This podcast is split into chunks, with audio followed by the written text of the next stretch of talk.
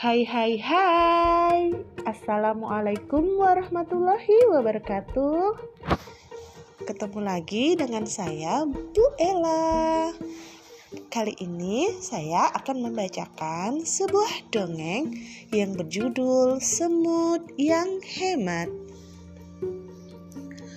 Dahulu ada seorang raja yang adil dan bijaksana Raja juga dikenal sebagai penyayang binatang. Suatu hari, saat berjalan-jalan, raja bertemu seekor semut. "Wahai semut, kau sedang apa?" tanya raja. "Hamba tari tadi sedang mengumpulkan makanan, Baginda. Tetapi sampai sekarang hamba belum juga mendapatkannya." Jawab semut. Berapa banyak makanan yang kau butuhkan dalam setahun? Tanya raja lagi. Hanya sepotong roti, Baginda. Jawab semut. Baiklah, aku akan memberimu sepotong roti. Ikutlah denganku ke istana, kata raja. Semut pun ikut raja ke istana. Sesampainya di istana, raja memasukkan sepotong roti ke dalam tabung. Selanjutnya, dia juga memasukkan semut ke dalam tabung itu. Aku akan menutup tabung ini selama setahun. Tabung ini ada lubang udaranya, jadi kau tetap bisa bernafas.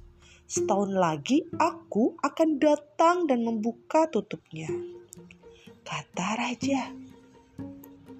Baik, Baginda, hamba akan tinggal di dalam tabung ini selama setahun, kata semut.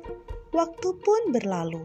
Kini sudah setahun semut tinggal di dalam tabung. Sang raja pun menepati janjinya. Dia datang menemui semut dan membuka tutupnya. Wahai semut, bagaimana kabarmu? Tanya raja. Hamba baik-baik saja, Baginda. Raja melihat ke dalam tabung. Ternyata roti yang dia berikan masih sisa setengah. Kenapa rotinya masih sisa? Tanya Raja. Hamba sengaja berhemat. Hamba takut Baginda lupa membuka tabung ini.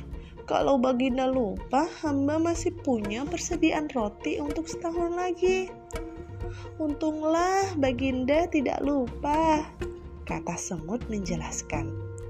Raja tersenyum sambil berkata, Kau semut yang hebat, kau pandai berhemat untuk mempersiapkan keadaan yang sulit.